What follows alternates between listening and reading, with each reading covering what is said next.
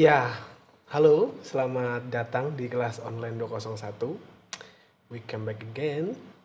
Ini pengantar sosiologi bagian 1 episode kedua.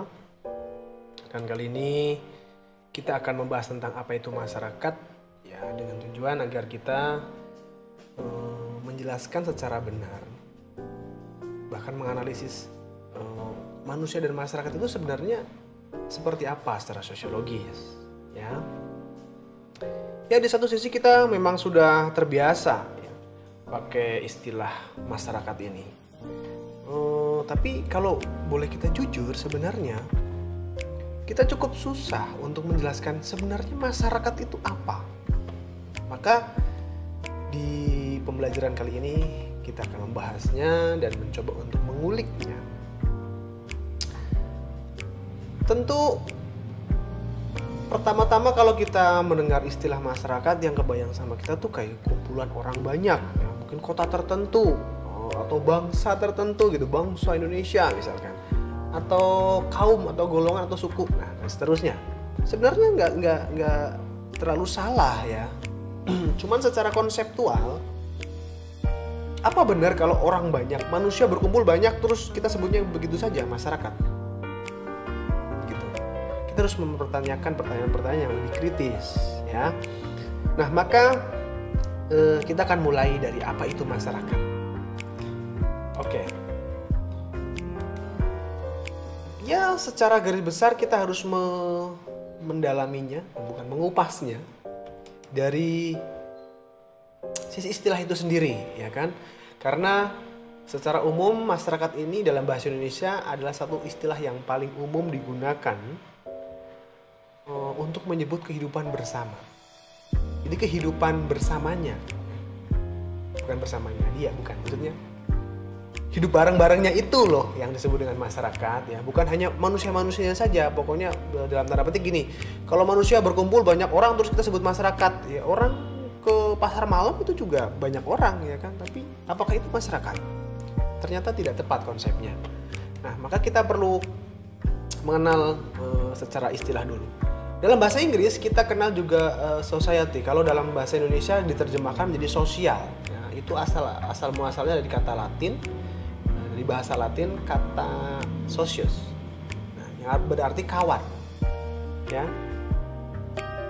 Gitu. Eh, ya mungkin umumnya pertemanan ya. Kalau kita boleh eh, terjemahkan secara simpelnya gitu. Khususnya apalagi kalau anak-anak IPS ya. Makanya hmm, buat kalian ini tolong nggak usah ngebet anak IPS karena ujung-ujungnya hanya temenan gitu. Karena mereka jurusan ilmu temenan. Hanya temenan doang gitu kan. Nah selanjutnya. Sedangkan kalau istilah masyarakat itu eh, asal muasal dari bahasa Arab yang ber yang apa ya yang bermula dari serapan kata dalam bahasa Arab eh, syaraka yang artinya ikut serta atau partisipasi ngikut. Kalau sekarang mungkin lebih lebih cenderung ke ngefollow gitu ya. Yang terlibat gitu deh oke. Jadi eh, singkatnya masyarakat adalah sekumpulan manusia yang hidup bersama saling berinteraksi memiliki ikatan dalam pola tingkah laku yang stabil dan tertentu atau khas ya ciri khas gitu ya serta berproses secara berkelanjutan nah ini harus stabil jadi buat kamu yang ababil maka kamu belum dianggap sebagai anggota masyarakat begitu kira-kira ini secara istilah umum ya dari bahasa dan istilah yang yang kita kenal sehari-hari. Maka kita akan lebih masuk lebih dalam yaitu eh, pengertian masyarakat menurut eh, ahli-ahli sosiologi ya. Yang pertama dari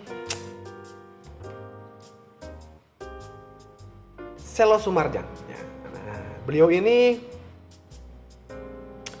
menyatakan bahwa masyarakat adalah orang-orang yang hidup bersama menghasilkan kebudayaan. Ya. Ini ini Selo Sumarjan ya, bukan Mbah Marijan, oke? Oke. Kalau kamu nggak tahu Mbah Marijan nanti boleh searching lah. Jadi eh, menurut beliau ini masyarakat itu ya harus menghasilkan sesuatu, ya harus hidup bersama bareng-bareng nyata dan menghasilkan sesuatu. Konsepnya begitu. Jadi kalau cuma cat doang itu ilusi. Ilusi. Tolong. Perhatikan itu. Yang kedua itu menurut, menurut Profesor Kuncoro Ningrat ya. Kuncoro Ningrat ini salah satu legend juga seperti Prof. Selo Sumarjan ya. Kalau menurut beliau ini masyarakat merupakan kesatuan hidup manusia yang berinteraksi sesuai dengan sistem adat istiadat tertentu yang sifatnya berkesinambungan dan terikat oleh suatu rasa identitas bersama. Gitu. Berkesinambungan itu artinya terus menerus ya. punya dasar komit. Gitu. Kalau nggak komit ya udah. Kalau sukanya atau kebiasaannya nggak komitmen itu biasanya belum cukup umur ya. Jadi kalau kamu sudah bisa berkomitmen berarti artinya kamu sudah mulai dewasa. Hmm, gitu. Ya dalam segala hal sih tentunya untuk terutama hal-hal yang tidak merugikan orang lain. Ya karena ada sih. Ya ya ya beberapa waktu yang lalu ada yang tanya pak kalau selingkuh selingkuh ya? Selingkuh itu kan komitmen juga ya kan? Kita komitmen untuk berselingkuh. Tapi apakah selingkuh itu juga berkesinambungan ya ya tolonglah ini ya perhatikanlah ini hal seperti ini ya. Ya jangan kamu jadikan pembenaran ya. Gitu. Apa pun itu. Ya perselingkuhan itu tolong kalau bisa. Ya janganlah ya. Baik. Selanjutnya menurut uh, Hasan Sadeli. Ini ini kalau kalau kamu uh, ketemu nama ini ya ini juga profesor. Beliau ini ya dalam hal bahasa ya. beliau ini juga salah satu profesor bahasa yang dimiliki Indonesia yang beliau juga pernah menerbitkan kamus besar bahasa Indonesia ya kan? Nah ada terbitannya tuh Syari Hasan Sadili gitu kan? Kalian bisa searching tuh kayak gimana bukunya ya kan? Beliau ini kosakatanya sangat banyak gitu. Nah Menurut beliau, masyarakat adalah golongan besar atau kecil dari beberapa manusia yang dengan atau yang dengan atau karena sendirinya bertalian secara golongan dan mempunyai pengaruh kebatinan satu sama lain. Ini maksudnya kebatinan itu bukan ngebatin, bukan. Jadi maksudnya tuh nyambung gitu ya. E, baru misalnya gini, aku tuh baru mau chat dia, tapi eh ternyata dia udah ngecat duluan gitu. Wah, ini berarti ada uh, apa namanya chemistry ya kan, nyambung secara batin gitu, klop gitu ya.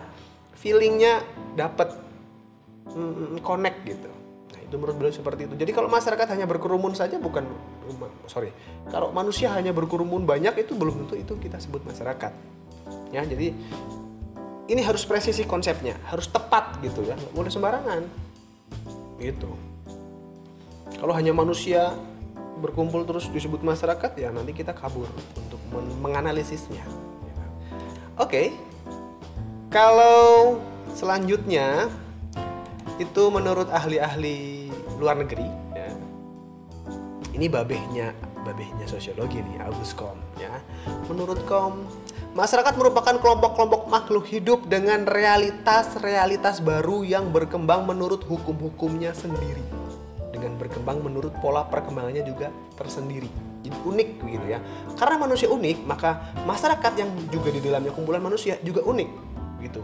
Realitas realitas realitas, realitas itu maksudnya itu kenyataan-kenyataan baru gitu ya maksudnya tuh eh, kelompok-kelompok manusia ini tuh ya punya kenyataan-kenyataan hidup yang berbeda, punya keunikan yang berbeda. Contohnya misalkan golongan anak sultan nih ya, sama golongan anak jamet misalkan, atau e, sama anak tongkrongan baru atau ya baru baru anak tiktokers yang kemarin gitu misalkan, itu akan berbeda-beda kenyataan-kenyataan hidupnya ataupun pola-pola kebiasaannya itu kan berbeda. Nah itu juga kalau menurut Kom itu bisa disebut dengan masyarakat, ya kan? Gitu. Kalau misalkan eh, anak sultan ya lahir kaya, lah kalau kaum papa ya yang ya ya seperti seperti bapak ini ya lahir itu langsung minum air tajin ya bukan bukan minum Nutrilion ya sorry. Nyebut merek jadinya nih. Pasti punya kenyataan hidup yang berbeda gitu. Dan juga punya perkembangan kebiasaan yang berbeda. Oke menurut kom seperti itu. Jadi masyarakat itu unik juga ya. Selanjutnya menurut uh, Talcott Parson, Talcott Parson ini dia adalah seorang sosiolog Amerika yang oh, dia cukup bukan cukup ya ini salah satu yang paling terkenal di Amerika sosiolog ini. Menurut dia, masyarakat sebagai suatu sistem sosial yang dicirikan oleh tingkat kecukupan diri yang relatif bagi lingkungannya, termasuk sistem sosial lainnya. Maksudnya begini. Jadi, kalau tadi kata Comte itu unik, maka setiap masyarakat kita batasin dong, batasin dulu dia ya. E, Bandung gitu. Kecukupan dirinya orang Bandung dengan kecukupan dirinya orang Jakarta itu beda. Gitu. Atau kecukupan dirinya masyarakat perdesaan dengan masyarakat perkotaan berbeda. Kalau masyarakat masyarakat di desa mereka nggak perlu lah, nggak nggak nggak nggak perlu banget mereka tuh harus harus harus tahu Netflix itu untuk apa sih? Netflix itu makanan apa? Nggak nggak nggak nggak wajib ya kan? Nggak ngerti juga nggak masalah. Tapi kalau kita di kota kita sudah terbiasa gitu. Oh langganan Netflix misalkan. Ah, I'm sorry ya saya saya uh, apa ini jadi nyebut merek ya. Tapi itu sebagai contoh konkretnya seperti itu. Ya kan? Nah jadi kalau sistem artinya itu jejaring unsur yang di dalamnya itu ada hubungan. Ada manusianya, ada kepentingannya, ada teknologinya, ada agamanya gitu. Itu sistem namanya saling berhubungan ya. Gitu. itu semua saling bertautan. Kita bayangkan e, katakanlah seperti jaring laba-laba begitu. Nah, karena keunikan setiap manusia, setiap daerah, setiap wilayah berbeda, maka tingkat mencukupi kehidupannya juga berbeda. Itu menurut Parson. Itulah masyarakat. Nah, kalau menurut ini Pak Gilin-Gilin keluar lagi nih ya di sini ya. Masyarakat adalah kelompok manusia yang terbesar. Ya. itu ini ini uh, ini kuis untuk kalian ya. Ini kalau yang di di foto ini beliau ini adalah uh, eh, JP Gilin ya. Tolong carikan JL Gilin ini terus e, berdua ini saudara kembar atau gimana nih ya kalau yang bisa nemu fotonya JL Gilin silahkan kalian e, eh, DM me atau chat me. Nanti aku kasih bonus lah. Gitu. Nah um, menurut Gilin dan Gilin gitu simpelnya gitu ngomongnya. Master itu adalah kelompok manusia yang terbesar itu maksudnya ya kalau kecil mungkin berduaan kalau berempat mungkin satu keluarga. Ada kemudian ada RT ada RW ada kelurahan ada kota ada provinsi ada negara gitu tingkatnya. Nah kalau menurut Gilin dan Gilin jadi istilah masyarakat itu adalah sebuah istilah untuk me me menyatakan atau menjelaskan kumpulan manusia dalam jumlah yang banyak. Maksudnya itu begitu. Oke? Nah, itu pengertian masyarakat menurut para ahli. Kemudian kita akan melihat apa iya e, masyarakat itu bisa kita kenali ya dari mananya. Kita akan melihat yang pertama menurut Suryono Sukanto ya. Beliau juga legend juga ya dalam sosiologi. Ya salah satu sosiolog Indonesia yang terkenal di seluruh dunia. Jadi menurut beliau ini satu, masyarakat merupakan manusia yang hidup bersama. Jadi kalau sekumpulan manusia disebut masyarakat itu harus ada kehidupan yang bersama, artinya gotong royongnya ada, kerjasamanya ada, kepentingan sama-samanya ada gitu. Saling menghargainya ada dan seterusnya. Yang kedua, bercampur untuk waktu yang lama. Ini ya kan? E, maksudnya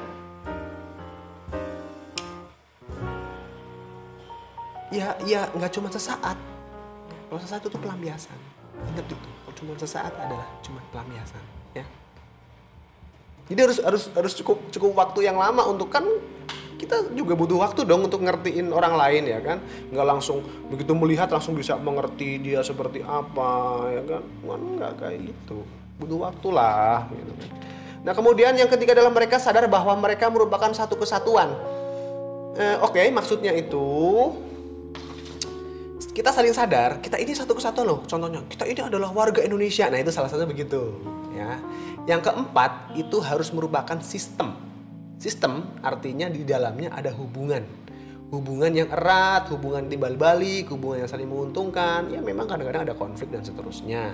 Itu adalah satu uh, realita atau gejala sosial yang wajar ya Maka sekumpulan manusia itu kalau terdapat empat hal yang disampaikan Suryono Sukanto ini, maka kita patut menyebutnya, oh itu mereka adalah masyarakat. Begitu. Kemudian eh, yang terakhir adalah unsur-unsur masyarakat. Ya, unsur-unsur itu seperti terdiri dari gitu ya. Kalau misalkan kita ngomongin bakso di dalamnya harus ada baksonya, harus ada minyak, misalkan begitu kan. Nah, kalau kita ngomong makan bakso, wah baksonya nggak ada bukan bakso I'm sorry. Unsur yang pertama, jumlah manusia yang hidup bersama dalam waktu yang relatif lama, saling terikat, saling mengerti, merasa dan mempunyai harapan-harapan bersama. Bersama-samanya waktunya ini nggak cuman sebulan dua bulan, nggak cuman sehari. Ya pernah ada yang nanya ke bapak, kalau jadian cuman sehari itu boleh dikatakan udah pacaran belum? Ya tolong lah ya cuman sehari. Sehari coy. Apaan coba sehari? Yang kedua memiliki sistem komunikasi dan peraturan yang berguna untuk mengatur hubungan antar manusia. Ya kita harus ada aturan hidup lah ya harus ada uh, aturan main gitu. Harus sopan santun tata krama norma-norma aturan-aturan. Ya kesopanan dan seterusnya itu harus ada ya supaya kita tidak barbar. Nah, kita ini ini kita ini kan manusia yang beradab. Mengakunya gitu tapi kita akan buktikan. Yang ketiga manusia yang hidup bersama merupakan suatu kesatuan. Suatu kesatuan itu misalkan kesatuan wilayah. Hmm, di, di satu wilayah yang sama nah, gitu. Oh di satu RT RW kota yang sama. Nah itu itu namanya satu kesatuan ya. Terikat Kemudian yang keempat, suatu sistem hidup bersama yang menimbulkan kebudayaan. Nah, karena akibat sistem sistem hidup bersama ini kan timbal balik nih ya, ada hubungan terus gitu kan. Oh, satunya jadi tukang cilok, satunya jadi tukang mie, satunya jadi tukang nasi, satunya jadi uh, pegawai bank, satunya jadi pegawai apa segala macam dan seterusnya. Maka akhirnya sekumpulan masyarakat sekumpulan manusia yang kita sebut masyarakat itu menghasilkan sesuatu yang disebut dengan kebudayaan. Kebudayaan itu nanti akan ada penjelasannya di video yang lain. Kira-kira seperti itu ya. Bisa ditangkap ya. E, mudah-mudahan pengertian ciri dan unsur masyarakat bisa kalian pahami. Oke, okay, itu yang bisa uh, Bapak sampaikan saat ini. Mudah-mudahan itu bisa ditangkap. Terima kasih, sampai jumpa di video selanjutnya.